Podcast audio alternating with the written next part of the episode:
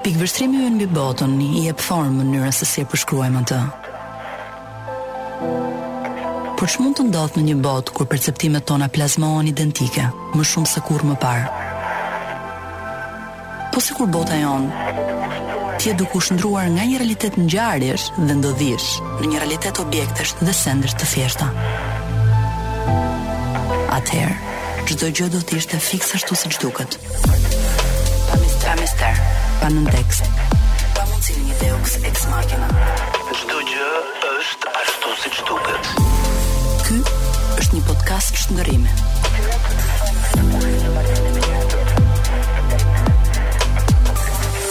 Çdo gjë është ashtu siç duket. Mirëmbrëma, uh, të dashur dëgjues, miq dhe mikesha, jemi në pasditen e 17 nëntorit, ky është nisja e um, podcastit, çdo gjë është ashtu si duket dhe për këtë të enjte, Unë jam pak e ftohur, uh, kam idenë që ndjehet çik ajo uh, hundorja uh, në në zërin tim, edhe po bënim një shaka se po thonim që uh, mbase zëri hundor ka tendencë të tingëllojë dhe më joshës. Ë uh, edhe na u kujtua episodi i famshëm i Marilyn Monroe me Kennedyn, ku në të cilën ajo i këndon Happy Birthday Mr President, që ishte gati e ngjirur të gjithë e morën si një provokim të tmerrshëm përfshir ë uh, Jackie-n, në fakt Monroja shkret ishte thjesht shumë e smur atë ditë. Edhe kjo në një farë mënyrë është një metaforë shumë e bukur për gratë e shkreta që është gjithmonë historia e qyp, pse të rraha. Kur je smur, pse je smur? Kur s'je smur, pse s'je smur? Ë, uh, megjithatë, uh, un jam shumë në formë, pavarësisht se pak e ftohur. Uh, vij drejt e nga panairi i librit, siç duhet ta dini në këto data, nga data 16 deri në datën 20, zhvillohet panairi i 25 i librit në Tiranë. është 25 vjetori i ngjarjes më të madhe kulturore në kryeqytet, do thoja unë një ngjarje e cila ka gjithë këto vite që vijon dhe zhvillohet për 4 ditë dhe bën bashkë ë um, jo vetëm lexues, por në një farë mënyrë dashamirës kulture. Për këtë temë do flasim edhe më vonë, pak a shumë mendoj drejt mbylljes së podcastit dhe do flasim me Alba Ruçin, të cilën unë kam sot të ftuar në studio. Në fakt, nuk do flasim vetëm për librin, sepse Alba është një nga këto personazhet ë um, po themi multi uh, krijues. Pra një njeri i cili atë që ka, ka dellin krijues dhe e shfaq në mënyra të ndryshme, qoftë si stiliste bizhuterish, pra si dizenjatore, qoftë uh, si autore, qoftë si një njeri që ka ide nga më të ndryshmet sa i takon ndryshimeve shoqërore dhe rolit tonë në shoqëri. Alba, mirë se vjen sot në platformën çdo gjë është ashtu si duket. Faleminderit që më ftove. Ëm um, Alba, un të prezantova që në fillim, në fakt duhet të kisha prezantuar njëherë si stiliste bizhush, por në fakt prezantova njëherë si autore, uh, po kjo gjë kam ide që për ty nuk ka shumë rëndësi sot. Jo, fare. Ë, uh, megjithatë un do doja që ta përqendronim pjesën e parë të bisedës tonë, doja ta përqendronim tek atë që ti e ke, po themi gati gati zanatin e përditshëm, atë që është pikërisht bizhuteritë, po. pra stilimi dhe dizenjimi. Së pari un doja të dija si e ke zbuluar ti këtë gjë te vetja, se kjo është një gjë shumë interesante, domethënë momentin në cilin dikush nis dhe kupton çfarë do të bëjë në jetën e vet. Uh, shpesh edhe sot pyes a është vërtet kjo që dua të bëj në jetën time, po gjithmonë marr një përgjigje.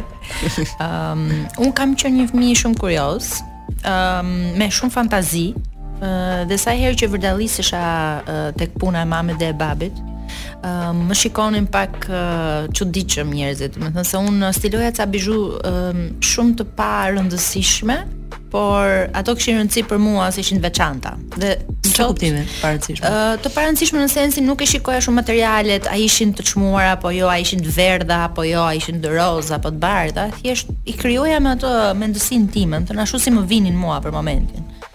Ëm um, është e kultivuar nga prindërit, nuk diskutohet, të dy prindërit e mi uh, janë shumë të apasionuar për punën që bëjnë, domethënë e bëjnë çdo ditë me me shumë zell. Ëh mm -hmm. uh, dhe i përkushtohen, po themi më shumë se 10 orë në ditë punës dhe vazhdojnë. E habitshme, nuk e kanë humb pasionin. Unë i, i, i ja. admiroj njerëzit që s'e humbasin pasionin me kohë. Atyre i shtohet dita ditës më duket. Është sëmundje si si, si, si krimbi që të Po. Ëm um, dhe kështu filloi, uh, u mundova të bëja disa gjëra, të provoja veten time në disa fusha të tjera. që e kuptova direkt që ditën e parë që nuk, s'nuk. Nuk. Cilat ishin? Oh, kam provuar disa ë uh, tipi marketing, vetëm marketing, se marketing po. bëjmë të gjithë pak a shumë po. në punë. Çdo njeri me Instagram në dorë po. bën marketing, po.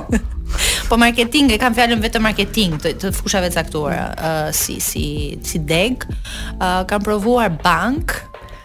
Bankë. Au. Kjo më dhimbti. E di unë nuk kam unë nuk kam shumë respekt për bankierët, për hir të së vërtetës.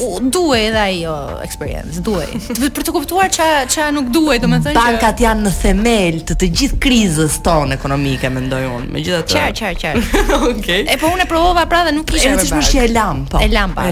Ëm dhe ja ku jemi, unë nuk kam punuar në asnjë këto ishin thjesht disa eksperienca të shkurtra, mhm. internshipe, gjëra shumë të shkurtra. Dhe ja ku jam sot me këtë që kam zgjedhur të bëj që e vogël. Okej, okay, tani pyetja ime para se të vazhdojmë te detajet e tjera është kjo. Domethënë ti, si është ajo sa të bukur e ka um, Joyce atë që thotë uh, the longest way around is the shortest way back home. Hmm. Um, dhe kjo më pëlqen shumë, sepse domethënë njeriu ai do të tregojë që në një farë mënyre ajo që ne bëjmë është përpiqemi një herë të ikim nga vetja, pastaj për t'u rikthyer prapë te vetja. E rëndësishme është të rikthehesh ama. E rikthehesh. Kjo është shumë e bukur. Se ka ca që nuk rikthehen fare. Okej. Okay. Ato po mendon që mbase nuk ka një rrugëtim tjetër, a? apo thjesht mbase rrugës? Unë them që janë të ndikuar edhe nga faktorë shoqërorë, mm. edhe nga rrethana, edhe nga shtysa familjare, edhe nga presione. Presioni shoqëror, peer pressure është një nga gjërat më të rënda që ekziston për atë që është gjetja e vetes, edhe unë këtë e kam menduar përherë.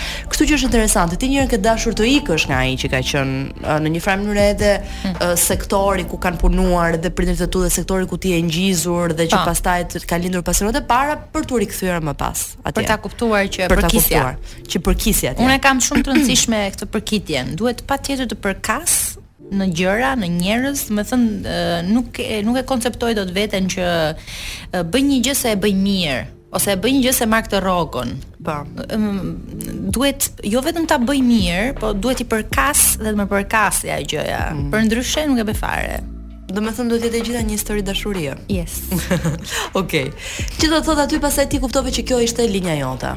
Kjo ishte linja ime. Okay. E kam skalitur një çik linjën rrugës mhm. sepse mm -hmm. në fillim kur kthehesh në Shqipëri, sidomos në biznes familjar, po presin ndonjë mendje nga ty. Po pra tani po vjen të të, të, të revolucionarizojë komplet biznesin. Kjo do na nxjerrë nga nga kriza. Ndërkohë nuk ndodh ashtu. Domethënë ti merr gjërat me radhë, kthimi në Shqipëri nuk është i lehtë, sidomos nga unë unë isha në Londër për shembull dhe mm. është një culture clash Goxha hendek shumë i madh.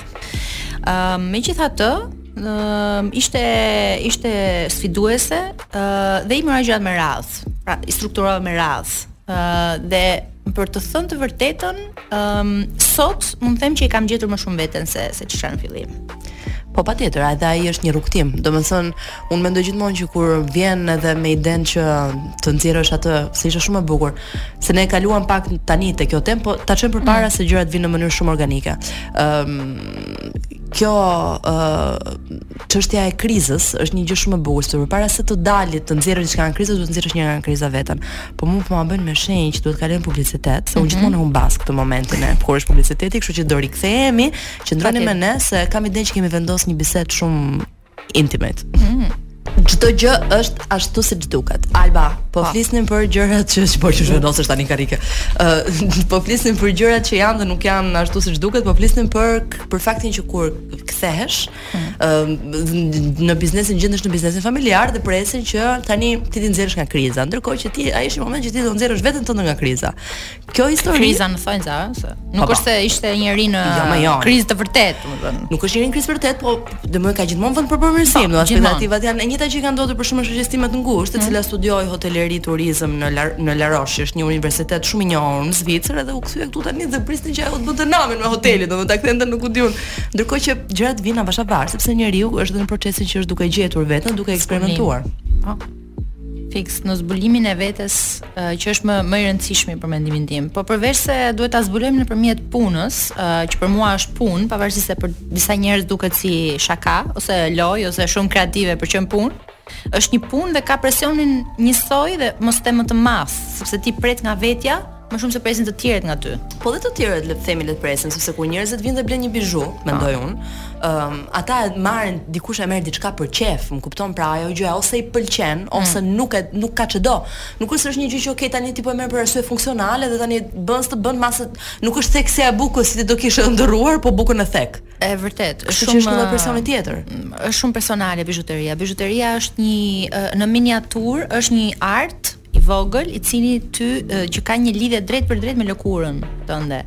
Dhe ndër vite, në që nga lashtësia është është shkencërisht e provuar në fakt që metale të ndryshme ose materiale të ndryshme të bizhuterisë ne na përçojnë një lloj energjie elektromagnetike në fakt. E pra unë këtu do doja të ndaleshim pak. dhe uh, bronzi, uh, bakri dhe uh, argjendi kanë pas qenë më uh, prevalente në këtë fushë, pra ka, ngaqë kanë qenë dhe më të mbajtshme. Ë uh, më pas ari ishte si si zoti i metaleve dhe është akoma ë uh, pavarësisht se platini për shembull është më i rrallë se ari, ari ose floriri ë uh, njihet që është ai është është mbreti i metaleve sepse që në kohët e lashta mendohej që ari ta rregullonte qarkullimin e gjakut, përçonte energji pozitive, ti ndiheshe më i energjizuar kur kur vishe flori. Ë uh, dhe thjesht uh, dhe sot ka ngelur ari si si me të vërtetë floriri mbas komunizmit ne ne shpërthyem një kështu një valë ë uh, blerje ose investimi në flori. Sot ka lëvizur dhe nuk është më investimi në flori, por është investimi në model, është investimi në në bizhuterinë e stiluar. Ë uh, dhe nëpërmjet këtyre bizhuterive ne mundohemi t'i shpëtojmë pak realitetit. Po ta vësh re në në çdo gjë që ne bëjmë sot edhe në rroba edhe në modë, ë uh, edhe në investime të tjera që që, që e rrethojmë veten tonë, ne mundohemi që t'i shpëtojmë pak atij realitetit me probleme. sfidat e realitetit. Dhe prandaj zgjedhim dhe kështu bizhuteri me ngjyra ose ë të stiluara ndryshe, pra jo jo ato statiket, ato klasiket mm -hmm. që kemi pasur gjithmonë në mendje. Domethënë njerëzit tani po mundohen të të bëjnë një lëvizje të të tregojnë pers personalitetin e tyre, individualitetin e tyre nëpërmjet ë uh, formave të ndryshme. që na lidhin me natyrën, na lidhin me me një vend që ne duam të jemi, me një moment të bukur të jetës. E kuptoj. Ë, uh, po, ka edhe nga këto byzylyqe të cilat kanë me sa di unë edhe gjëra që shënojnë, tip uh, momente të rëndësishme të jetës apo dhe po. byzylyqet vetë që dhurohen për një çast të rëndësishëm të jetës. Megjithatë unë doja të rikthehesha pak ke pjesa e ë uh, materialeve një herë para se të kalojmë ke nga bizhuteritë e para që janë zbuluar edhe në po themi gjetjet e vendvarrimeve të hershme. Uh mhm. -huh e me radhë.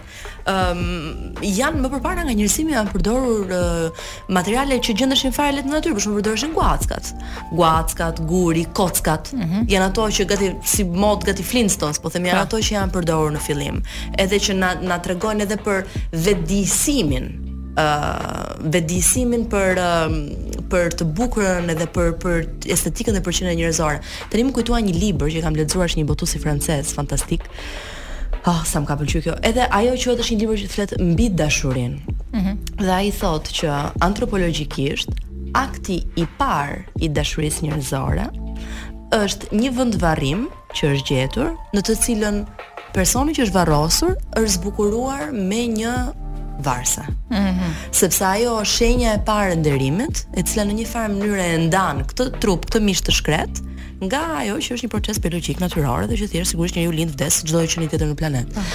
Pra, deri në këtë gradë arrin marrëdhënia e njeriut me konceptin e zbukurimit, me asaj që në një moment bëhet sakrale. Edhe objekti, varësja, unaza në vetvete ti e di fare mirë kanë marrë ngarkesa sakrale dhe në mesjetë etj etj. Tani është interesante të shohësh se si është kjo marrëdhënia midis zbukurimit të trupit me atë që në fakt është edhe vlerësimi i brendshëm, shpirtëror, që në thelb është edhe linja arsyeja pse ne dikujt për shembull kur e duam i vëmë një unazë në gisht. Është e vërtetë. No, si qëndron kjo lidhje? Ëm um, e para është shumë e trashëguar. Pra, bota uh, po flasim bota perëndimore por dhe ajo lindore kanë një historik shumë të lashtë me bizhuterinë. Me metalet, uh, gjysmë të çmuara dhe të çmuara dhe me gurët. Ëh, mm uh, fatkeqësisht në vendin tonë ne na është dashur ta nisim disi nga zero. Po themi, po jo se s'kemi. Ne jemi futur në një epokë trashëgimie pak moderne dhe se ç'na ka ndodhur rrugës dhe kemi harruar pak trashëgiminë e e pa, e të parëve tanë. Mm -hmm. Historikën. Historikun. Ëm um, që në kohët e lashta uh, shqiptarët në fakt janë gjetur shumë bizhuteri uh, të vjetra dhe kryesisht të bëra prej bronzi, të cilat disa prej cilave unë i kam sjellë këtu sot. Mhm. Mm Pra kam një spilë, për shembull të realizuar në bronz, këto janë nga shekulli 15. Kanë marrë këtë ngjyrimin jeshil sepse janë oksiduar. Po, bronzi oksiduar. Edhe një spilë tjetër. Um, Këto janë të gjitha origjinale Alba. Këto janë origjinale. Sa njerëz që e dëgjojnë nuk e shohin dot, po mbase po të kapin transmetimin e orës 9. Ë uh, po, janë janë spila që sot do thoshim po të po të kishin një ristrukturim të mirë, ë uh, do ishin akoma funksionale dhe unazat siç mund të shikojmë janë uh, me vula. Është e jashtëzakonshme. Pra janë me vula të punuara me dorë në bronz. Dhe cilit territor i përkasin? Ë uh, po, i përkasin uh, Krujës së sotme ose Albanopols, pa, po, që qendrës uh, qendrës ilire. Ë uh, dhe këtu kemi një orendi të vogël që është si një çajnik i vogël. Uh -huh. Domethënë, e gjitha kjo ta mendosh që ka ndodhur në shekullin e 15 Dhe këtu kemi ca monedha dhe këto monedhat janë të skalitura uh, me simbole të ndryshme, për shembull kjo është me pemën e jetës dhe me një njeri. Uh, këtu kemi me njerëz që që luftojnë. Kjo është një unazë për gishtin e vogël që këto format janë vazhdojnë dhe trashëgohen. Po, patjetër, sidomos sot njerëz janë shumë shumë janë dhe në modë madje. Po. Tani ne kemi kaluar uh, nga kjo në në diçka po themi direkte mbas kaq shumë vitesh e shekujsh në në një gjë në një trashëgimi më moderne. Ëh. Mm -hmm. Dhe kemi kaluar në preferencat tona që i kemi gjithmonë drejt floririt. Domethënë shteti jonë, uh, Shqipëria e pëlqen shumë floririn. Dhe është është i apasionuar për pastërtinë e këtij metali dhe për çfarë përfaqëson dhe çfarë përcjell ky metal. Po mos vjen kjo nga një periudhë historike shumë e vobektë dhe e varfër në të cilën Pjesës më të madhe të njerëzve florinjtë iu konfiskuan, ata që i patën i këmbyen në treg të zi etj etj dhe ngelën në fund pjesa më e madhe e familjeve shqiptare kur dolën po them kot mbas nëntëdhjetës nuk kishin më asgjë që i përkiste. Po, po gjithmonë e vlerësuan. Floririn, po. Po, dhe nuk e harruan vlerën. Ë kjo për mendimin tim kjo është një pikënisje. që mund të jetë e një një dritare e vogël, por që është e mirë. Po ka dhe një arsye tjetër Alba për mua për këtë historinë e Floririt, se thonë që Floriri është i vetmi material i cili nuk zhvlerësohet, edhe në bursë për shembull nuk zhvlerësohet Floriri. As argjendi nuk zhvlerësohet. Asnjë nga metalet nuk zhvlerësohen. Ka një bursë ndërkombëtare për për metalet dhe zakonisht vlerësohen më shumë. Pra i rritet vlera. Po Floriri është thjesht është e vetmja që ka bursë ndërkombëtare një herë, ë uh, përveç metaleve të tjera, po që është në në vazhdim në rritje pavarësisht faktorëve ekonomikë. Po. Pra, edhe post luftrave, edhe post pandemive, gjithmonë edhe në momente krizash, ari ngelet i sigurt. Po pra, pra, prandaj pjesa më e madhe është shumë e bukur kjo se ç' flasim për për uh, për rezerva. Po. Ëm um, këtë e shkruante një një autor i famshëm hebre, thoshte që mënyra më e mirë gjithmonë me kursimet tuaja është që një pjesë t'i keni në bankë, po, një pjesë t'i keni në cash, një pjesë t'i keni në flori. Ato në flori i keni, po kjo, po, ajo vinte nga një historik i një. Po edhe ne pak a shumë do thoja të ngjashme e kemi. Okej, okay, nuk kemi pasur ato histori të dhimbshme.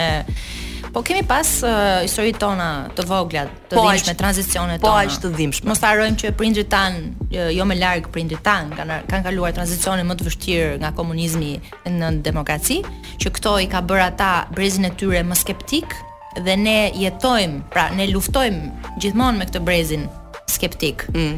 Dhe pra blerësit ose investuesit sot më të mëdhenj është pikërisht kjo gjeneratë. A gjenerata është gjenerata është e mesme po themi, po. që vazhdojnë të investojnë në Flori.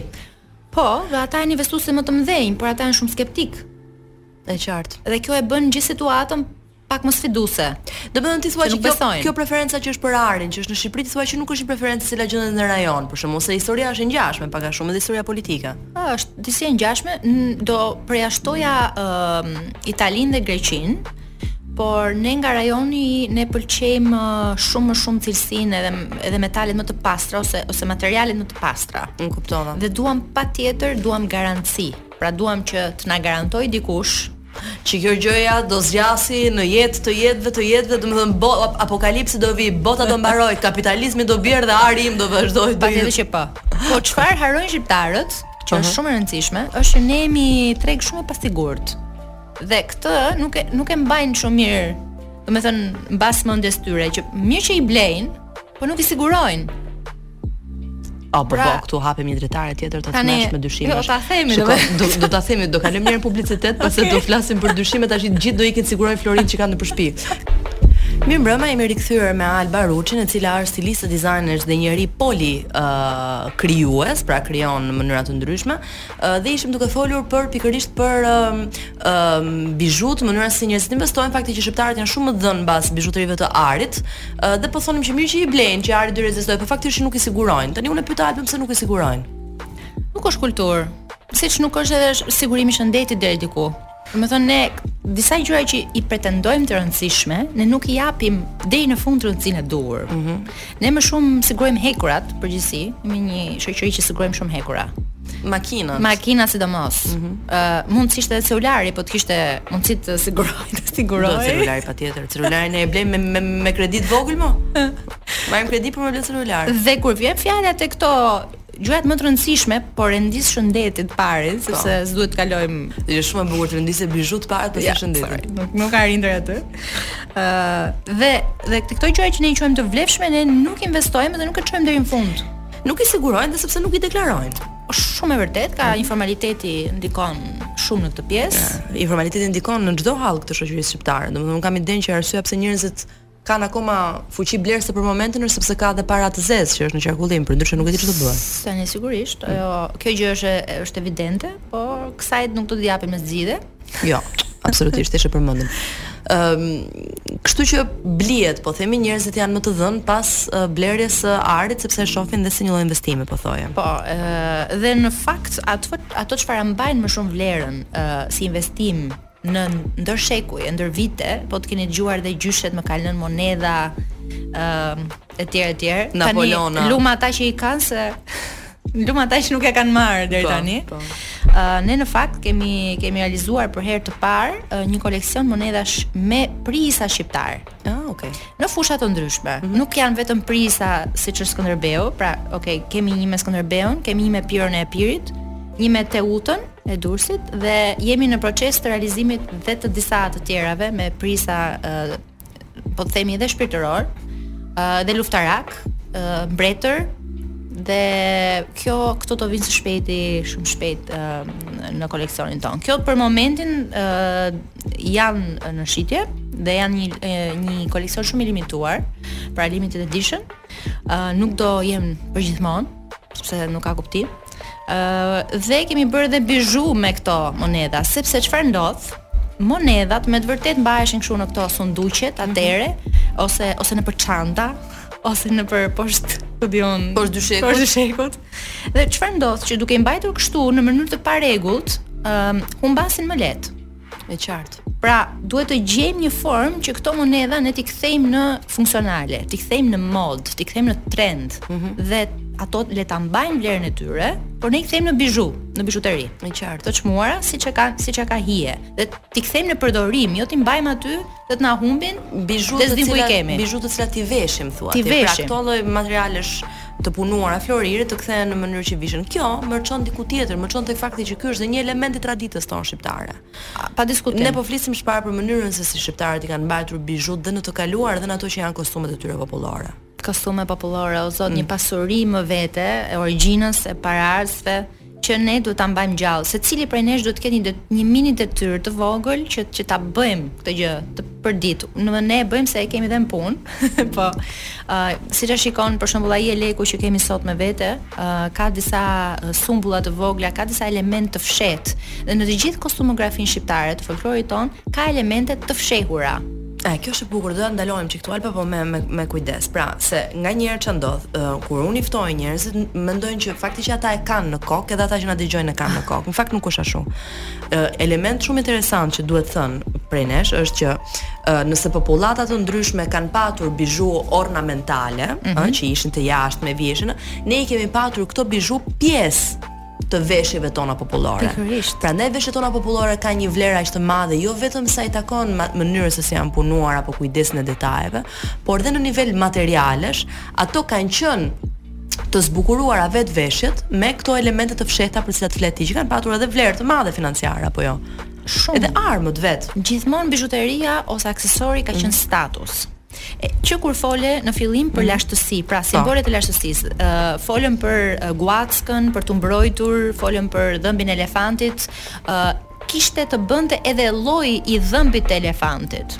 Në pra, sens? prijësi, për mhm. shembull, mm -hmm. më i forti ose kryetari ose ai që drejtonte lideri, mbante dhëmbin e elefantit më të madh, po, më të fortë, që tregonte që ishte ai që e kishte e kishte më solid, po. po. Dhe të gjitha këto këto aksesorë që nga kjo kohë që ne vijmë nga lashtësia, nga paraardhësit e tjerë, në shtetin tonë, pra në vendin tonë, ë ne kemi pasur traditën e vendosjes së elementëve kompozicionalë mm -hmm. në pjesë të kostumografisë.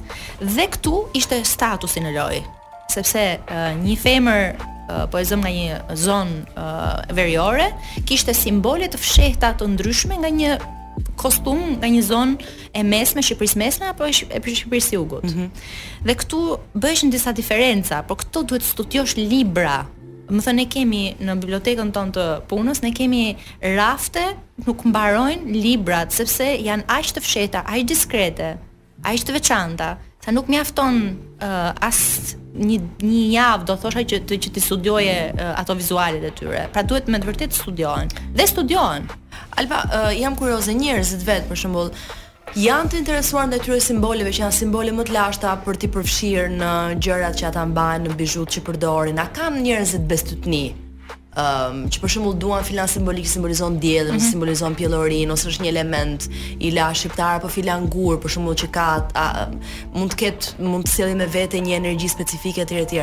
Çfarë marrëdhënie kemi ne me këto simbole të së kaluarës edhe, se bizhuteritë për shembull dhe un është shumë interesant në gjërat që po thonim, mm -hmm. uh, dhe që po flisim për shembull për fazat e ndryshme që kanë kaluar uh, bizhuteritë, Në periudhën e Mesjetës ato marrin dhe vlerë sakrale. Përveç se mhm. vlerë sakrale marrin edhe vlerë për të larguar të keqin, pra janë hajmalitë që fillojnë dhe vijnë. Po në fakt jo vetëm në Mesjetë, edhe në edhe në periudhën e Egjiptit të lashtë, që ti e di shumë mirë bizhuteritë mhm. i ka të ngritura në kult edhe gjithë bizhutë, që pastaj që nisën me stilin e art dekos, në fakt ato çfarë bëjnë, nisën dhe marrin elemente nga nga bizhuteritë e Egjiptit antik, që është një gjë e jashtëzakonshme. Ato vendosen për shembull edhe kundër vdekjes, kundër smundjes, kundër syrit të keq, ka patur simbole ose element bizhush që përdoreshin. Vazhdojnë dhe sot. Vazhdojnë dhe sot kërkohen. Mos të them mos të generalizoj kot. Uh, S'ka problem. Po, mendimi im është fund ditës uh, që sot ndodh më shumë. Sot ndodh më shumë. Sot ndodh më shumë sepse bota ka arritur një pikë që ne kemi humbur uh, prekjen njerëzore. Mm -hmm. Pra sot çdo gjë po shkon drejt teknologjisë. Mm -hmm. Dhe çfarë ndodh? Kur shkon çdo gjë drejt teknologjisë, ne duam të përkasim. Ne duam akoma të kemi një lidhje me të shkuarën, me të kaluarën dhe uh, njerëzit duke dashur të krijojnë lidhje më të ngushta njerëzore, humane, ato duan t'i përkasin këtyre simboleve, gjejnë shpëtim me këto simbole, gjejnë shpëtim me me çfarëdo lloj simbolesh të, të kulturave të ndryshme, jo vetëm tonat. Me tonat nuk e kemi shumë lidhjen, të them të drejtën. Po, po se tonat kjo është gabim nuk janë marketuar mjaftueshëm, kam idenë unë, kurse këto të tjerat i kanë parë, janë janë bërë si më si i themi më të shitshme. Ne jemi munduar ta bëjmë shumë.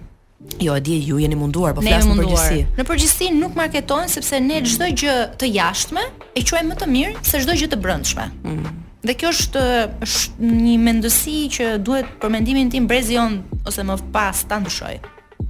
Uh, është pak a shumë çfarë ndodhi në pandemi. Në pandemi të gjithë sektorët në Shqipëri, sektorët e brendshëm të prodhimit, flas se ne jemi në prodhim, mm -hmm. uh, patën një boom, patën një rritje. Pse e patën rritje? Ne sepse uh, nuk do mend të gjithë kufijtë u mbyllën dhe të gjithë investuan në firmat brenda vendit, në prodhimin vendas.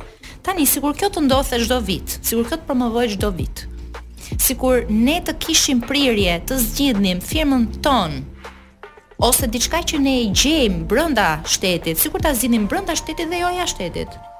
Çfarë do ndodhte? Pse nuk e pse nuk e bëjmë ne këtë? Unë nuk e kuptoj. Po sepse lidhet me një, siç e thamë, lidhet me një mosbesim gjeneral ndaj uh, asaj që është e jona dhe e brendshme. Domethënë, është një problem që për mua është problem shumë i madh filozofiko politik që ne kemi me identitetin tonë. Ëm ehm, edhe që shtyhet shumë pas në kohë kjo. Edhe fakti që ne eventualisht e kemi parë gjithmonë veten tonë si armik, domethënë kemi një lloj ka një lloj dyzimi. Bizhuteritë janë një formë universale e zbukurimit. Bizhuteritë e bëra me guaska, gurë dhe kocka mbijetojnë sot që nga kohërat prehistorike. Ka të ngjarë që qysh në kohë të hershme bizhuteritë janë mbajtur si mbrojtje nga rreziqet e jetës ose si shenjë statusi shoqëror. Në botën e lashtë zbulimi i mënyrës së punimit të metaleve qe faza më e rëndësishme në zhvillimin e artit të bizhuterive. Bizhuteritë e mbajtura në Europën mesjetare pasqyronin një shoqëri intensivisht hierarkike dhe të ndërgjegjshme për statusin e vet shoqëror. Mbretëria dhe fisnikëria mbanin ar, argjend dhe gurë të çmuar, ndërsa radhët e ulëta të shoqërisë mbanin metale bazë, të tilla si bakri apo kallai. Ngjyra dhe fuqia mbrojtëse u vlerësuan më së shumti. Disa bizhuteri kanë mbishkrime të fshehta ose magjike, që besohet se mbrojnë mbajtësit. Këto ndryshe janë lehtësisht të njohura si amuletet apo hajmalitë, që janë edhe në territoret tona kanë qarkulluar gjerësisht. Bizhuteritë e rilindjes, rilindjes europiane kryesisht, jo të rilindjes tonë që është fazë historike tjetër, ndanin pasionin e epokës për shkëlqimin. Smaltet, që shpesh mbulonin të dy anët e xhevahirit, u bënë më të përpunuar dhe me ngjyra dhe përparime teknike dhe prerje rritën shkëlqimin e gurëve të tyre. Rëndësia e madhe e fesë në jetën e përditshme mund të shihet në bizhuteri, ashtu si dhe fuqia tokësore. Shumë pjesë spektakulare mbaheshin si shfaqje të forcës politike, edhe në bizhutë vetë dhe në dekorimet e tyre. Modelet e ndryshme pasqyrojnë interesin e ri të gjetur në botën klasike, Me figura dhe skena mitologjike, që bëhen gjithmonë e më të njohura. Kjo është një fazë shumë e bukur që e hasim në Rilindjen Europiane. Domethënë, momenti që fillon edhe mbarojnë këto tematikat me bazë fetare dhe rishfaqen tematikat me bazë mitike. Arti i lashtë i gdhendjes së gurëve të çmuar u ringjall dhe përdorimi i portreteve pasqyroi një prirje tjetër kulturore, një ndërgjegjësim të rritur artistik. Nga kjo fazë kalojmë në fazën e sigurisht revolucionin, përparimin teknologjik etj etj edhe në fazën për cilat e kemi folur që është edhe periudha po themi e diamantëve. ë uh, që fillon të vlerës të vlerësohen shumë gurët specifikisht guri i diamantit, për të cilin edhe kemi folur ë uh, më përpara. Ne kemi thënë se si diamanti në fakt është një shpikje marketingu. Pavarësisht asaj, por është i rrallë. Është i rrallë. Dhe është i fortë. Po ka sa të duash. Ëm mund të diskutohet me këtë kohët e fundit, sepse shumë miniera në Afrikën e Jugut janë mbyllur. Janë mbyllur prej kushteve çnjerëzore. Jo, uh, jo prej kushteve çnjerëzore, në cilën jo, vjen ata. Jo, nuk ka arritur akoma të konsiderohet shumë, megjithëse ka një ka një këshill uh, në në botën e diamantëve. quhet Kimberly Process mm -hmm. dhe Kimberly Process siguron që çdo gjë në supply chain-in ose në logjistikën e prodhimit të diamantëve nga miniera deri tek uh, konsumatori final të jetë uh, fair trade, pra të jetë uh, pa uh, kushtet e, e eksploatimit të fëmijëve, uh, luftra, pra të vijë diamanti nga një vend që nuk ka luftë. Kjo e siguron, pra në qoftë se ne e nisim uh, blerjen e diamantëve nga njerëz të cilët janë pjesë uh, e, e këtij procesi, pra Kimberly Process, um, kjo e siguron deri diku. Origjina e saktë, saktë e vërtetë nuk mundet uh, të të shikohet në 100%, por firmat e mëdha dhe laboratorët më të mëdha sot, si GIA, ë uh, e të tjerë kanë hapur një divizion i cili uh, quhet Forensics uh, Report për diamantët dhe Forensics tregon nga ka ardhur. Pra në qoftë se ne uh, duam të dimë fikse nga ka ardhur një gur diamanti, sot është e mundur të gjendet me teknologjinë. Po si ka mundësi, si gjendet? E po kjo është Gjetur shkakun që ka ardhur po them kohë po, nga po, Afrika e Jugut. Po po, e gjejnë me me e, e bëjnë track. Ëh. Uh -huh. Kanë mënyrat e tyre, është shumë shumë diçka shumë e zhvilluar në teknologji sot. Nuk nuk kemi shumë informacion se si ndodh, por ndodh. Shumë interesant, unë kam parë një film të jashtëzakonshëm që quhet Blood Diamond. Besoj të gjithë shqiptarët e kanë parë këtë film. Është i bukur, është i bukur.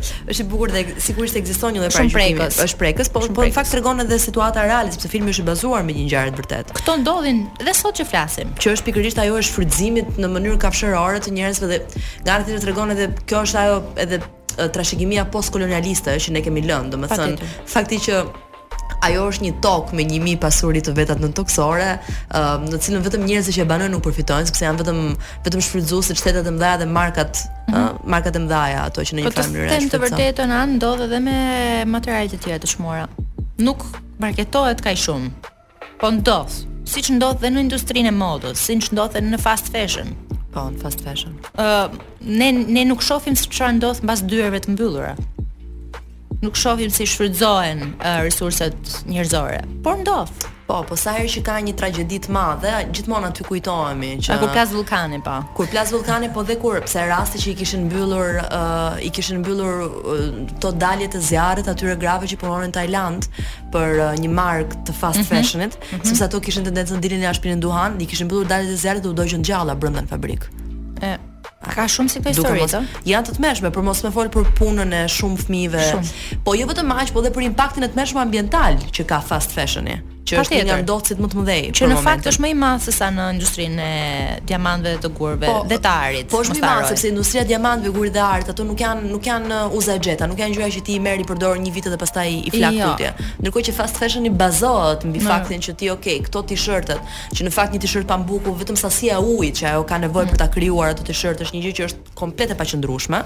Ë uh, ato janë me idenë që ti e përdor një vit dhe pastaj e hedh, ndërkohë që të paktën kjo është një industri e cila bazohet mbi krijimin e një vlere, të një malli me vlerë që praktikisht ti atë e ke përgjithmonë si një investim dhe trashëgon, pra është një gjë. Po. Është një gjë komplet tjetër. Dhe shyqyr që kanë vendosur të vënë, kanë filluar të vënë në punë procese që bëjnë pikërisht këtë, pra që garantojnë që në mesin e prodhimit të kësaj vlere nuk ka shfrytëzim të nuk ka shfrytëzim të njeriut. Po në qoftë se ka gjithmonë zgjidhje pra ta ndjekësh se nga vjen një diamant dhe dhe ne kur mundohemi që t'i shpjegojmë njerëzve se nga vijnë diamantët është është e padiskutueshme që nuk e kupton dot 100%, por ajo çfarë mund të bëjmë është që të kemi ne ndërgjegjen ë e kulluar për veten tonë dhe të bashkëpunojmë me njerëz të besuar ta ata që janë pjesë e procesit. Po pra, kjo është më e rëndësishmja. Ëm, uh, kurse për arin dhe për gurët e tjerë nuk është është një jetojmë në një botë që nuk nuk e garantojmë dot këto.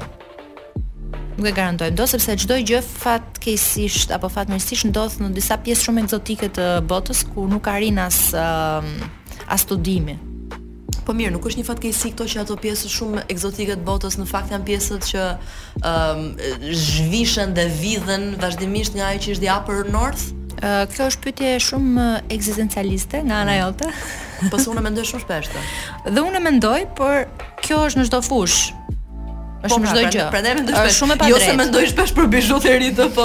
Domethënë në fund kthehet gjithmonë në të njëjtën. Po. Në të njëjtën gjë që është një pjesë shumë e vogël, një përqindje shumë e vogël njerëzish të cilët gëzojnë gjithë të mirat e kësaj bote, mhm. duke nisur që nga e drejta për një palë pushime, duke vazhduar tek e drejta për të pas 10 palë çizme, tek fast fashioni, te fakti që mund të kemi bijuteri etj etj mhm. dhe për të mbajtur mirëqenien e këtyre njerëzve, në fakt është një botë e tërë e cila shfrytëzohet dhe që punon dhe që dëmtohet mbrapa. Jo gjithmonë vetëm dëmtohet, sepse në fushën e tani ka ka filluar një lëvizje botërore në fakt që në fushën e industrisë së gjetjes së minierat etj etj. Ë njerëzit po paguhen shumë më shumë. Okay, pra rrogat janë rritur um, jashtë masës shumë. Pra, pra që, ata dhe po përfitojnë po nga po përfitojnë nga, nga resurset e tyre. De Beersi që është edhe shpikësi i A Diamond is Forever, po, uh, sloganit të famshëm. Sloganit të famshëm. Që ju detyron ju gjithë burrave të blini një solitar të grave pra, tuaj. Pra nga ky e keni, po. Atë uh, shkoni, shkoni gjejeni. Uh, ky në fakt dhe GIA dhe Gemological Institute of America, të dy bashkë kanë pas të influencën uh, mutuale që kanë ecur drejt një uh, objektivi. Dhe objektivi ka qenë se si ne ta të ndihmojmë dhe shoqërinë ku ne uh, që ne eksploitojmë, pra që ne uh, kemi minierat etj etj. Dhe pastaj është investuar sigurisht në marketing etj etj me Marilyn Monroe-n që ka dalë dhe ka kënduar The Diamond is a Girl's Best Friend meqë e nisëm edhe me Monroe-n fillim edhe me gjithë Breakfast at Tiffany, Audrey Hepburn që i ka veshur, s'kanë fund, s'kanë fund, pra gjithë ajo që ju vuajtje pa fund, që ju mendoni që është kulturë në fakt është manipulim marketingu i gjithë, diamant. Po si çdo gjë. Po si çdo gjë po mua më thonë që tani duhet të kalojmë në publicitet. Okej. Unë dhe Alba tani ishim në prapaskenë duke u ankuar për politikat e jashtme. Emigracionit? Po, politikat e emigracionit Britanisë së Madhe.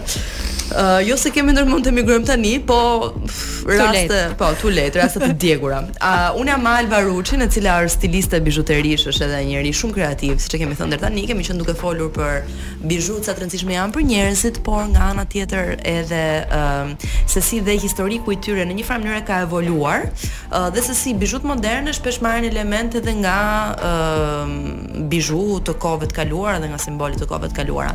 Alba ishim duke folur pak bashkë ë për materiale të ndryshme dhe po thonim që diamanti u shpall në një moment mbreti, po, i të gjithë gurëve, thamë që marketingu ka bërë të vetën, ë dhe sigurisht të gjitha shpesh krijimet ë që na duket sikur janë kot ë domethënë rastishme këto filma, libra etj etj, në fakt shpesh janë të sponsorizuar edhe nga industri të tjera më të mëdha, të cilat kanë qëllimet e tyre tregtare, funksionojnë në nivel subliminal, në nivel në nivel subkonshi.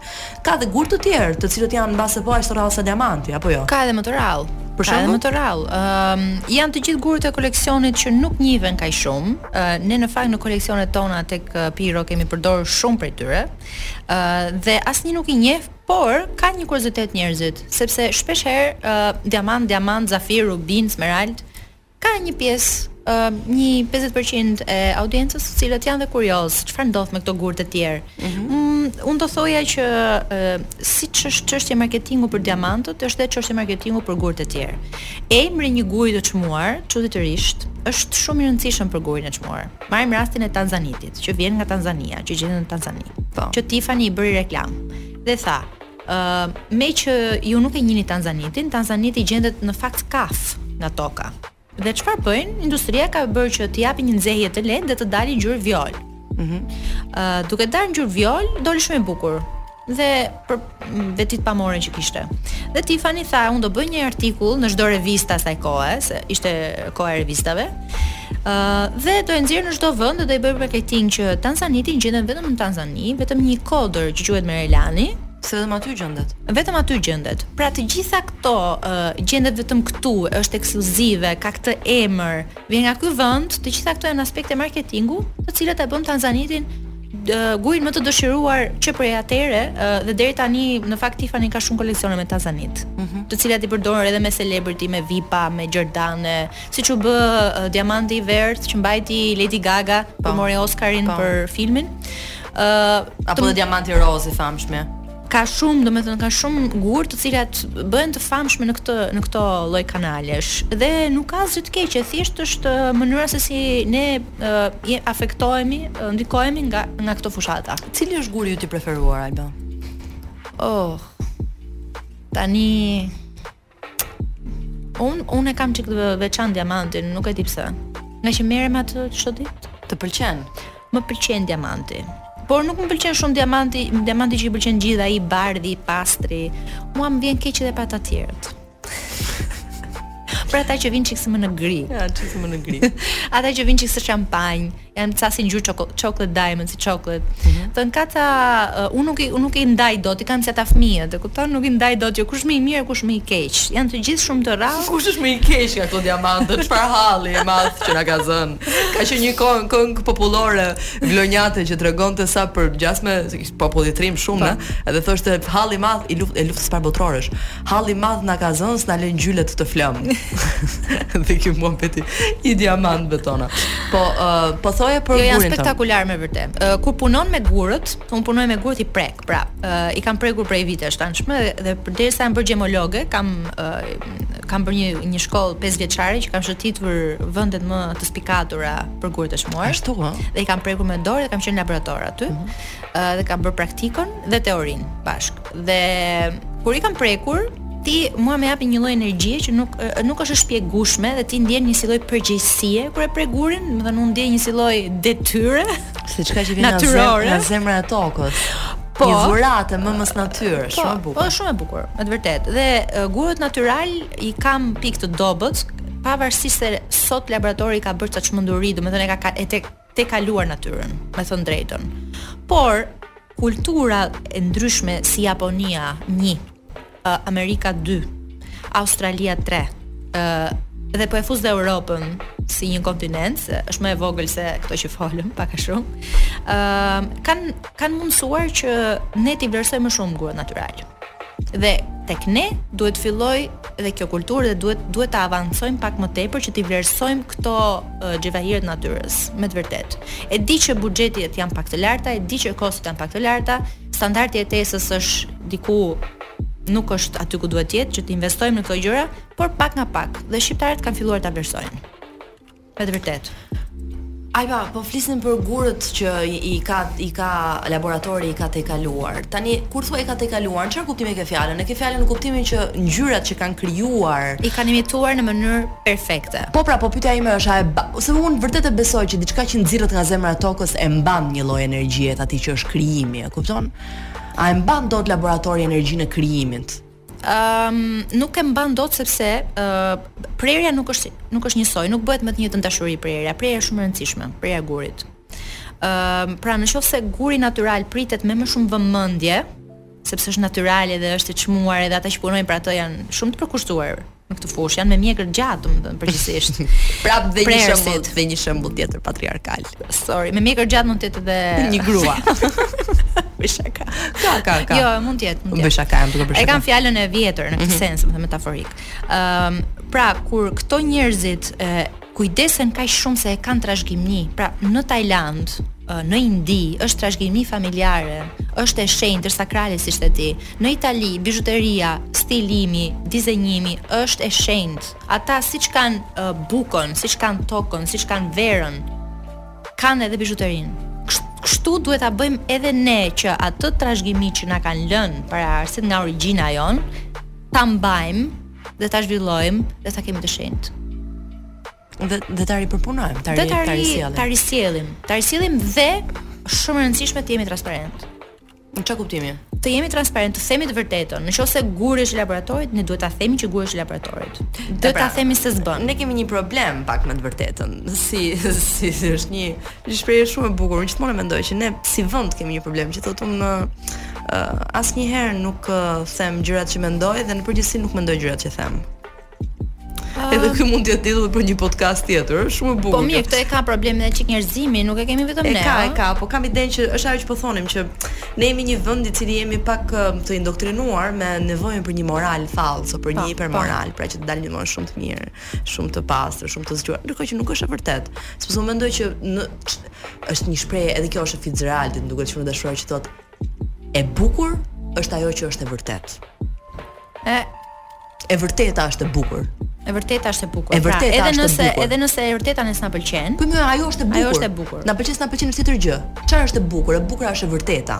Po. Prandaj dhe ky diskutim i gur laborator apo gur të vërtetë, ë, në fakt një pyetje për kuriozitet, ka ndryshim në treg këto sa i takon çështjes së çmimit? Patjetër. Po pra, pra mendoj që ato që janë Patjetër. janë natyror janë janë më shumë të herë shtrenjtë. më të shtrenjtë.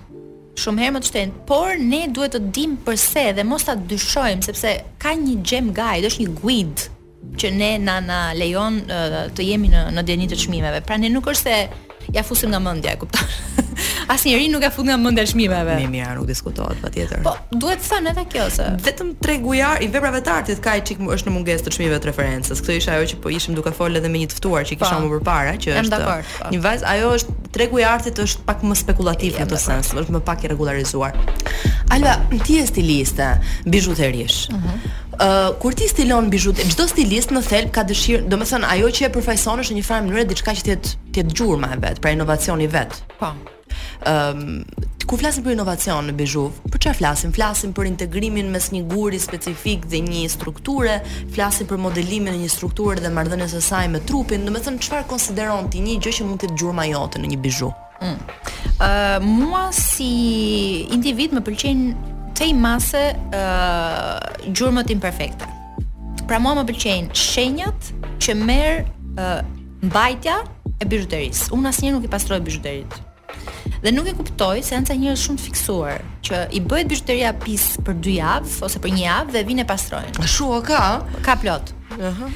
Edhe mua më pëlqejnë këto uh, tekstura e arit dhe metaleve të tjera që lë një lë lë gjurmë. Ne madje e bëjmë në në firmën tonë e bëjmë uh, posaçërisht këtë gjë që ajo të duket që ka një teksturë, që ka një jetë aty brenda. Nuk është çdo gjë vetëm me shkëlqim e pastër sipërfaqja edhe e lëmuar. Mm -hmm. Që të duket sikur është fringo e re. Po. Ato fringo të reja duken, sërish kur i merr nga ne, po ka një teksturë që i jep një është pak si ajo ë ajo teknika japoneze ë kintsugi që kur ë këto ë qeramikat ose porcelanet thyhen, riparohen me një penel me ar, me flori. Po është e mrekullueshme sepse ajo ka dhe valencë filozofike të madhe. Po pra, ajo do të thotë që diçka që është edhe në nivel shpirtëror dhe është një dhe një metaforë e bukur, diçka e cila është e thyer dhe e ngjitur, në thelb ka më vlerë se sa diçka e cila nuk është thyer kurrë, sepse është është mundi dhe procesi i ringjitjes ai që i jep asaj vlerë. Shumë e bukur, fiks këto jemi ne. Domethënë, ne jemi... Unë sa herë që më vjen njëri për të, për të shitur ose për të riparuar bizhuteri të vjetra ose për më tepër kur kur duan t'i shesin, unë rri dhe një orë duke i bindur që nuk duhet t'i shisni. Domethënë jam mos na jepni, më... nuk i duam lekët tuaja. Jo, po jam me idenë që është diçka emocionale dhe njeriu në njëfarë pike siç jemi sot që thamë që ne nuk kemi trashëgimi. Pra po. pse nuk i kemi këto trashëgimi? Është se nuk është se ajo ajo do t'i shesi se vuan për ato lekët. Me të vërtetë. Domethënë ajo i shet sepse do të bëjë një gjë tjetër, ta riciklojë, ta riciklojë. Jam shumë dakord me riciklimin dhe këtë uh, sustainability të të gjithë procesit, por ka ca gjëra që duhen mbajtur si kujtim, pra se kjo ishte kjo ishte objektiva e parë. Dhe në çfarë procesi psikologjik kalon ti me këtë këshillim kaq personal, Alba, me njerëz? Konsulta, konsulta pa fund. Konsulta pa fund. Vjen për shaka unë them që dua ta shes se më duan sa. E ke të gjyshes. Po e ke të gjyshes, nuk shitet kjo. Kur merret gjyshja në telefon dhe i thuhet mbesa jote e padenjë, do të shesë trashëgiminë tënde. Kështu që s'ka më byrek të dielën që vjen. Oh, ja, po. e kam fjalën. Ëm um, ne mundohemi që t'i afrohemi natyrës me çdo gjë që realizojmë. Pra, uh, me gurët, me metalet, me teksturat, Mundohemi që t'i afrojmë sa më shumë procese natyrore, por edhe ndonjë forme abstrakte, universale, merr edhe kështu, merr edhe këto forma. Mua personalisht, unë personalisht mendoj që ne jemi imperfekt dhe ndaj si bizhuteria si personifikim i këtij lloj individualiteti duhet të përfaqësojë imperfeksion dhe jo gjithmonë perfeksion. Për mua imperfektja është vepër arti. Ta arrish sot imperfekten është vepër arti. Në çdo linjë. Dhe sot është shumë e vështirë se ka hyrë teknologjia në lojë, kanë hyrë uh, automatizimi, ka hyrë digjitalizimi, çdo gjë shumë perfekte riprodhime teknike etj etj. Mm. Kjo është një gjë që është parë edhe tek vetë mënyra se si njerëzit pastaj trajtojnë trupin e tyre, që ata mundohen ta perfeksionojnë vazhdimisht. Është në perfeksion e sipër, por uh, po del pak Nga moda dhe kjo tani. Se ajo është, ajo është tani nuk e di, është thjesht një një anekdotë apo jo, po me uh, kush ishte ai që theu hundën? Alain Delon ishte ajo që theu hundën apo jo? Se ishte tepër i bukur dhe i shkaktoi vetes një imperfeksion. Po pak a shumë një. Pastaj shpëtuar. Po, ai thuhet për atë që ai theu hundën në mënyrë të qëllimshme sepse ishte tepër i bukur. Ah. E ta drejtosh pak vetë si hyjnia Apollon, domethënë maksimumi i bukurisë. Po kur ti të vjen dikush hmm. që të komisionon diçka. Zakonisht të tregojnë gjëra për shembull si i duan apo të lënë ti vetë ke dizenjuar për shembull një koleksion tëndin disa disa, disa koleksione. Çfarë koleksionesh? Ë uh, në fakt erdhi si një kërkesë nga nga audienca, domethënë njerëzit e kërkuan këtë gjë. Ishin ishin drejt asaj linje që ne duam. Që të kishte ndonjë koleksion shqiptar që të ishte unik i atyre. Po. Aha, e filluam me koleksionet shqiptare, me koleksion etnik, uh, me të gjithë motivet etnike, tonat, uh, të të nga qilimat kryesisht, nga qilimat shqiptarë. U pëlqye shumë, u prit shumë mirë dhe morëm zemër me atë koleksion dhe vazhduam koleksione të tjera, jo vetëm shqiptare, dhe jo me elementë shqiptarë, me simbole edhe të huaja. Kryesisht Ato që unë ideoj, përgjithësisht deri tani, kanë qenë në lidhje me natyrën. Kur them me natyrën, them me edhe me universin. Ëh. Mm -hmm. Pra, mund të jemi edhe një pikë e vogël në univers dhe mund të jetë me galaksinë për shembull koleksioni. Ëh, uh, koleksioni që po përmbyllim tani është uh, Into the Wild, është quajtur si libri i famshëm i bukur. Mm -hmm. Atij që lë çdo gjë pas djeg dhe lekët edhe ikën jeton në pyll. Mhm. Ajo që do më ndodhë mua dhe pak vite, po. më thonë, më thonë mua. Ëh, mhm. pra Into the Wild është me florën dhe faunën e e pyjeve të Forest. Dhe këtu ne krijojmë bizhuteri, uh, edhe gurë të gdhendur, siç ti përmende që vijnë që nga lashtësia si një ndikim i madh kreativ dhe artistik, i risjellim në një formë që të mbajtshme dhe në vepra arti të vogla që mund të mbahen në trup. Shumë bukur. Dhe t'i marrim me vete. Shumë bukur. Ato pjesëza të pyllit. Mua më është krijuar përshtypja gjithmonë kur jetoja në Itali, qarkulloja nëpër piazza, kështu dhe shihja njerëz që krijonin bizhuteritë vetë. Edhe thoja, nëse më pëlqente çfarë shprehje fytyre kishin e merrja, nëse më dukeshin të mërzitur ose të lodhur nuk e merrja, sepse gjithmonë më krijohet ideja që Që, domethënë, dikush që po krijon diçka, ia transmeton energjinë objektit që është duke prodhuar. Dhe mbajtja në trup e asaj gjëje është diçka që eventualisht në një mënyrë ose në një tjetër të ndikon. Patjetër. Tani unë nuk e di, kjo me shumë gjasa nuk është shkencore, po. Jo, është e vërtetë. Është e vërtetë. Është e vërtetë. Është shkencërisht e provuar që materiale të ndryshme, njerëzve të ndryshëm i japin energji të caktuara. Okej. I përçojnë energji të caktuara. Nuk mendon që është çik autosugjestion, është pak si efekti placebo, po themi, që në një farë mënyre ti ja mbush mendjen vetes tënde për këtë dhe pastaj gjërat fillojnë dhe ndodhin. Ëh, dikush e quan ligji i atraksionit universal. Jo, është një studim më të thellë. të thellë. Jo, një studim më të thellë. Por, është si studimi i ngjyrave. Aha. Uh -huh. Si na ndikojnë ne ngjyrat te truri jonë. Pra ne na ndikojnë që disa ngjyra na japin energji të mirë, disa nuk duam t'i shohim me sy, po. disa themi për shembull uh, nuk do i kisha kurrë në garderobë. Po se ajo është me procese asociimi, ti asocion me diçka që në nënndërgjegje ti mbase nuk e di, po ajo vepron në një moment del. Po, prek një impuls. Nuk i vëm dot lie detector kësaj gjëje, po. domethënë, nuk nuk e realizojmë jo, deri në nuk e kam te lie detector, po ku di unë dikush mund të ketë një kujtim shumë të mirë për shembull me ngjyrën violetë, kupton që i vjen nga fëmijëria, ai kujtim mbase mund nuk mund të mos jetë i shfaqur për momentin, është në nivel subkonshi, hmm. por aty ia ka ia ka ia ka drejtuar në një farë mënyrë shihet dëshirat. Ka shumë mundësi.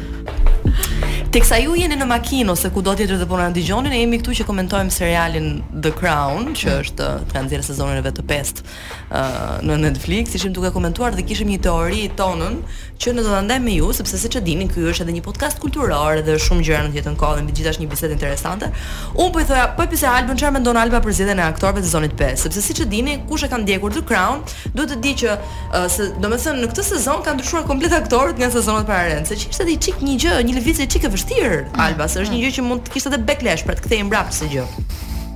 Kishte lëvizur shumë. Po. Ishte ishte shumë uh, përpara dhe ishte pro, propaganduar rolet. Po pra, zgjedhur. Dhe unë këtu doja të thoja, tani mua më duk sikur ky sezoni 5 ishte tamam një propagandë pro ardhjes së erës dhe mbretërisë së mbretit Charles, Charles. sepse sigurisht e kanë, ajo është një gjë që u dihej që mbretëresha ishte gjatë rrugës për të ndërruar jetë, po themi, po, pra për të shkuar tek të shumtët, dihej në realizim, Dhe vetëm zgjedhja që kanë bërë me Charles që kanë marrë një aktor super seksi që nuk e përfaqëson fare në fakt Charlesin, e kupton për mua që këtu fap nis një ndryshim publik i. Edhe e kishin ngritur shumë e kishin ngritur shumë figurën e Charlesit, domethënë figurën intelektuale, ndikimin e tij, ndryshimet që donte të bënte. Po.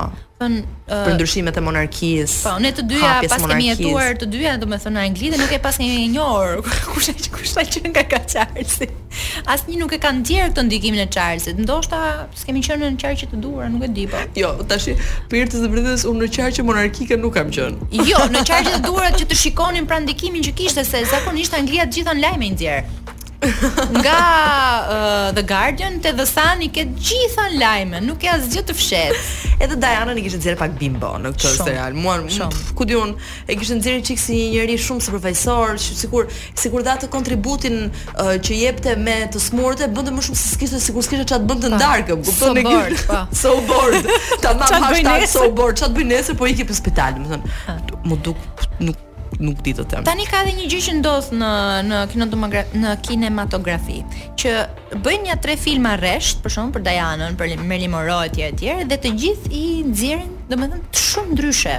Më asnjë nuk mban një linjë, se uh, çfarë ka ndodhur me të vërtetë. Pra, ti ke uh, përballesh me disa versione.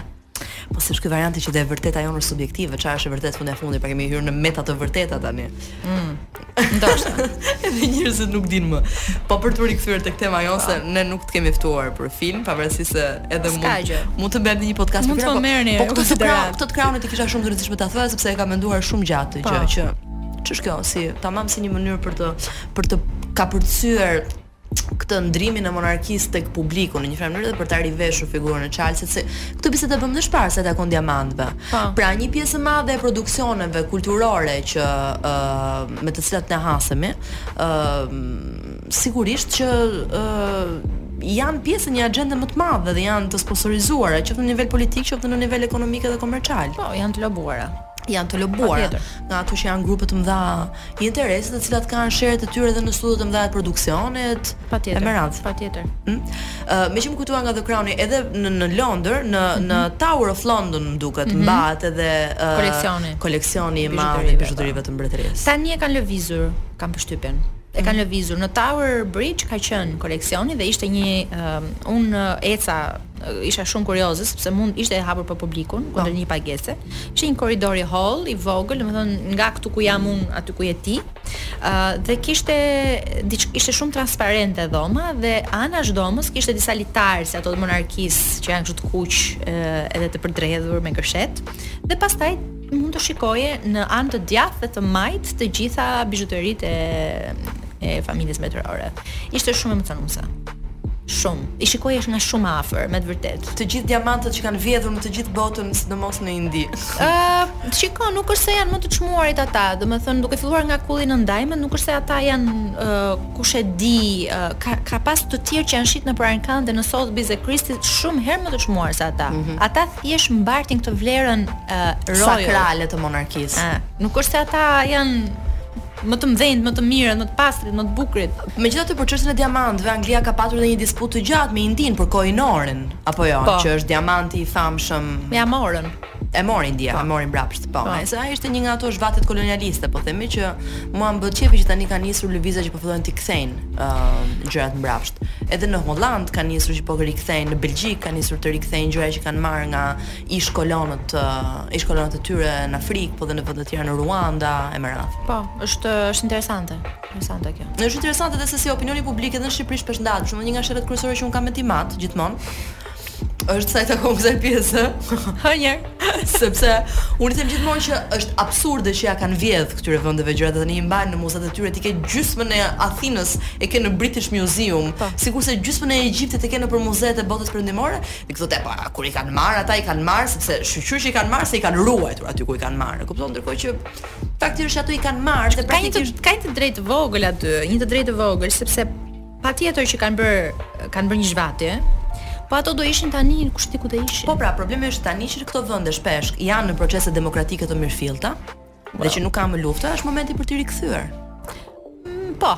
Domethënë diskutimi im bëhet kryesisht për rikthimin. Është momenti për t'i rikthyer, sepse nëse këto muze europiane ku bën për ta rilidhur me ju që mhm. po na dëgjoni temën e diamantit etj etj, ku ishte edhe një nga diskutimet për Kohinorin, ky diamant po. i famshëm indian, Nur, që është drita ai që është është maja me dritë. Kohinor është ma, do thotë maja po, me dritë. Po.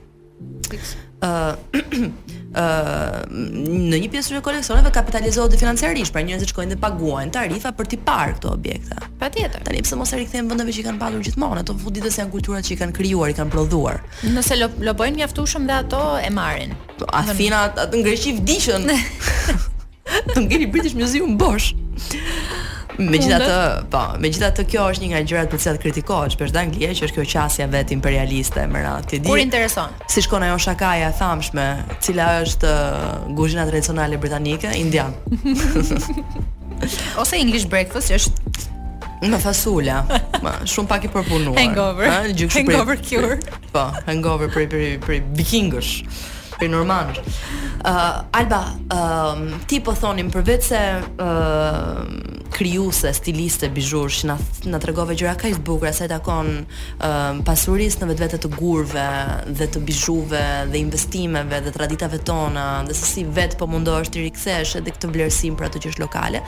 Ti je edhe shkrimtare, sepse ti je njeri që shkruan, pra ty përveçse arti i gdhendjes të pëlqen dhe arti i fjalës. Më pëlqen shumë arti i fjalës, ne po diskutonim edhe përpara bashkë, ë ku ti më tregove një nga ëndrrat e tua të fëmijërisë, po. që ishte të bëheshe shkrimtare. Po, e vërtetë është. Nuk ka qenë kurrë ëndrra ime. Po ëndrrat edhe lindin, ëndrrat nuk janë gjithmonë të vjetra. E di. Ëndrrat janë dhe të reja. Ëndrra ime ka qenë të lexoj. Domethënë, ëndrrën e bëja realitet që kur mësova të lexoja. Po. Ëm, në fakt gjyshi im më thoshte gjithmonë mbas shkolle që unë duhet të mbaja ditar. Gjyshi i mamit uh, ka qenë uh, pedagog. Ë uh, dhe më thoshte që duhet të shkruaja çdo gjë si kalove sot. Domethënë çfarë peripecish pate. Ai vetë mbante ditar dhe ne, unë kam diku ditarët e tij. Edhe unë kam ditarët e stërgjyshit tim, po. Është shumë interesante. Dhe unë them që ne jemi ndikuar nga kjo gjë, nga ajo që kemi parë me paraardhësit tanë, me ata që kemi njohur. Pra ti në subkonshiencën tënde je ndikuar që më pas të shkruash dhe ta mbash gjallë këtë ndoshta edhe gen pak. Ëh. Mm -hmm. uh, dhe duke shkruar ditar, ëh uh, fillova të kem një dëshirë për të shprehur gjëra që nuk i shkruaja, nuk i nuk i thoja. Dhe ajo është me të vërtetë çfarë buron brenda. Vërtetësia. Vërtetësia për të shprehur një gjë me fjalë që nuk e thua dot. Pra, ne shkruajmë ndryshe dhe flasim ndryshe. Se njerëzit kur dëgjojnë një njeri që ka shkruar ndonjë libër, thonë, "A çfarë na thotë kjo tani ose ky?" Po uh, ato janë dy procese krejt të ndara. Edhe përgjegjësia që ti merr ndaj fjalës është ndryshe kur ulesh ta shkruash nga kur thjesht e thua. Prandaj, ë uh, Ky kjo lloj burimi brenda vetes time ishte si një dritë që erdhi në pandemi. Domethënë ditën e parë që ne u lajmëruam që do mbyllemi në shtëpi, unë pashë një ëndërr. Dhe atë natë isha nja dy orë e djersitur, pashë gjithë historinë e librit që kam shkruar në pa detaje, se pastaj sigurisht u bë uh, u shtjellua me detaje, me personazhe, u vesh Historia ndryshe. Sa interesante, ti ke shkruar një thriller. Ë, uh, po, mister, psikologjik, do të Psikologjik, pra në një farë mënyre ka qenë ankthi i mbylljes dhe i pandemisë, ai që ka krijuar një reaksion kimik në kokën tënde, po. sa të shfaqeshin mm -hmm. gjysmë makthe, të cilat ti pastaj i ke përkthyer në një vepër artistike të mirëfilltë. Po. Të nesërmen unë fillova 4 orë në ditë. Është shumë e bukur. 4 orë në ditë për 30 ditë, po.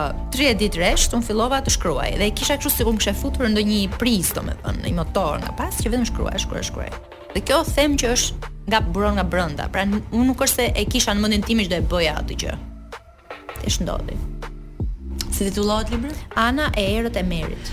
Ana e errët e Merit. Ë, uh, është shumë interesant sepse ti ke shkruar tash pyetja ime dhe kjo më lind. Ë, uh, ty të pëlqen ky zhanër, pra thriller misteri? Ë, uh, pra të pëlqen, nuk është se ti e ke shkruar thjesht sepse pe ëndërr ngaqë ëndrra ishte një ëndërr e keqe dhe ti e përktheve. Jo, më pëlqen shumë, unë e lexoj shumë, e lexoj pra, në filma shumë, struktura, struktura në kokë nga nga libra të tjerë që ke lexuar, pra di si shkruhet një një një ah, zhanër i tillë. E kam të e kam të elaboruar po. Ndër vite. Shumë interesant. Thriller misteri është një zhanër i cili në Shqipëri për hir të së vërtetës nuk është ndër zhanret e preferuara të lexuesve. Tani kjo është një gjë që mua më ka kuriozuar gjithmonë Alba, sepse ah. thriller misteri është në top listën e zhanreve të botës anglishfolëse minimalisht. Po. Top. Domethënë, thriller misteri unë mbaj mend kur unë punoja në një shpi botuese në Londër dhe ne punonim me një platformë që quhet Nielsen Book Scan, mm -hmm. që është platforma më e bukur që ekziston, sepse ti ke të ndarë për territore, ato janë të pjesës më të madhe të Global Northit, ëh, mm -hmm. të Europës Perëndimore etj etj. Ke të ndara shitjet e librave për zhanër, volum, pra sasi, po. vlerë etj etj. Dhe thriller misteri rezultonte nga më të preferuarit dhe kryesisht preferohej shumë nga gratë në lexim.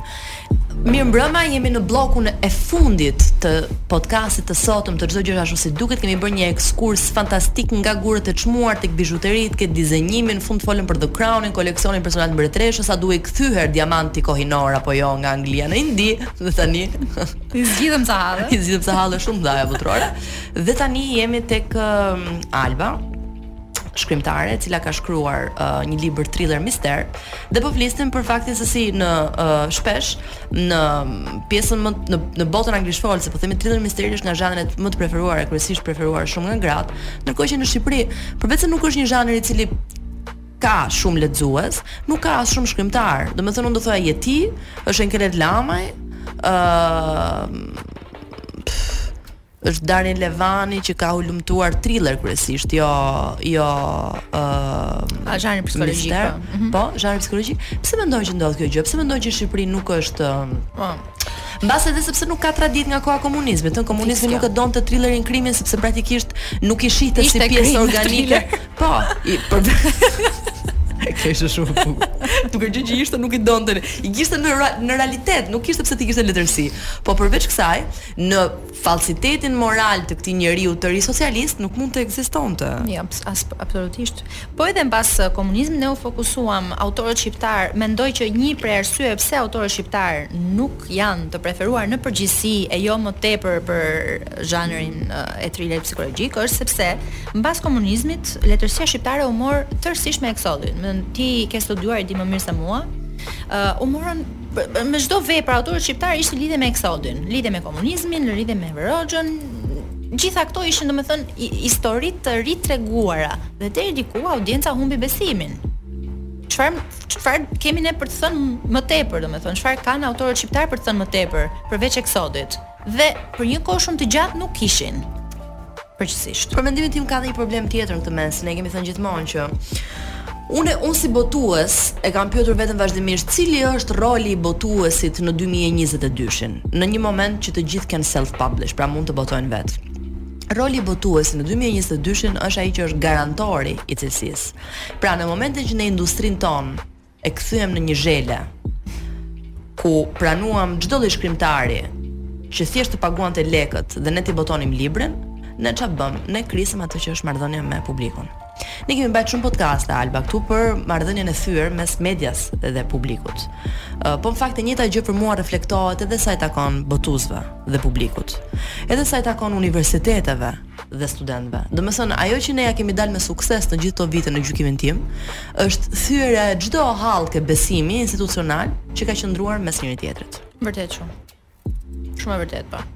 Dhe për fat keq kam idenë që kjo është një gjë që vazhdon bëhet. Edhe po të dëgjosh në nivel retorike politike, ka një retori, retorikë e cila nxit vazhdimisht ndërsimin e njerëzve kundër njëri tjetrit, ndarjen e njerëzve në dy barrikada, miq dhe armiq.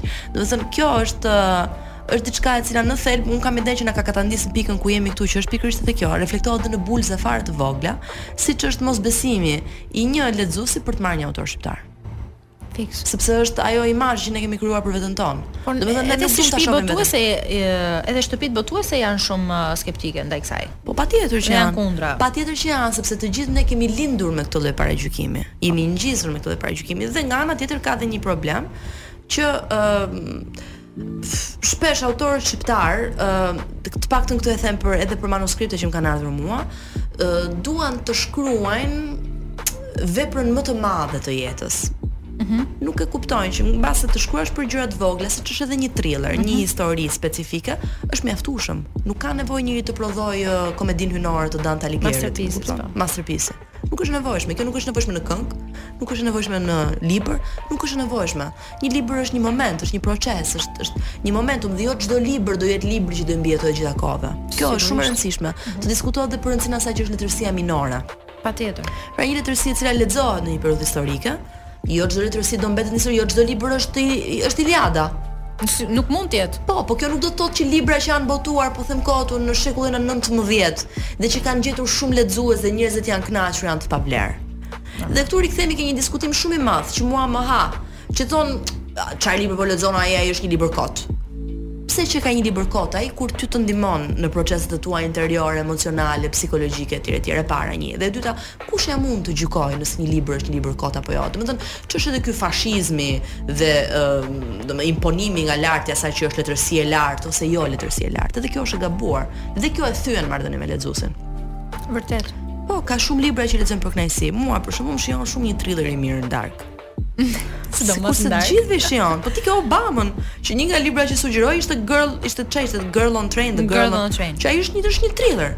Një super thriller, po. Është shumë i bukur, po. i shkruar shumë bukur, është bërë dhe film dhe ka qenë nga të paktët uh, realizime që mua në film më ka pëlqyer shumë përveç në libër. Edhe mua. Dhe mendoj më shumë që... film në fakt sesa në libër. Po mendoj që janë ca zhanre, siç është për shembull thrilleri, siç është uh, fantashkenca etj etj që nganjëherë realizohen po aq bukur në film sa realizohen dhe në libër. Patjetër. Hmm? Imagjinata e e arrin. Po sepse janë edhe efektet e narracionit, klimaksit etj etj po. ato që e mundësojnë që kjo gjëja të të perceptohet mirë dhe në film.